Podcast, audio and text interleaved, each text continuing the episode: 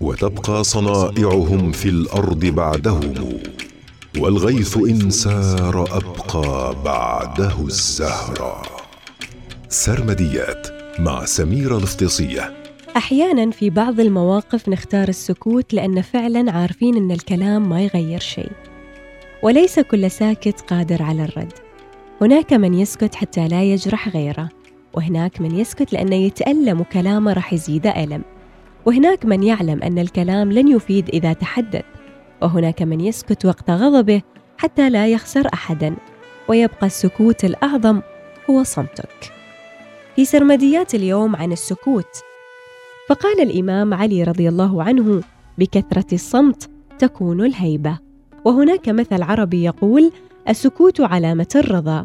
ومثل آخر يقول إذا كان الكلام من فضة فالسكوت من ذهب. ويقول أمين الريحاني من يصمت يسلم. ويقول عبد الله بن المقفع استعن بالصمت على إطفاء الغضب. ويقول الفارابي السكوت سر جميل. ويقول أسامة بن سفيان ألم تر أن الصمت حلم وحكمة قليل على ريب الحوادث فاعله. ويقول أبو العتاهية إن السكوت سلامة ولربما زرع الكلام عداوة وضرارا. ويقول أفلاطون السكوت سلامة والكلام ندامة. سرمديات مع سميرة الافتصية يوميا في الأوقات التالية.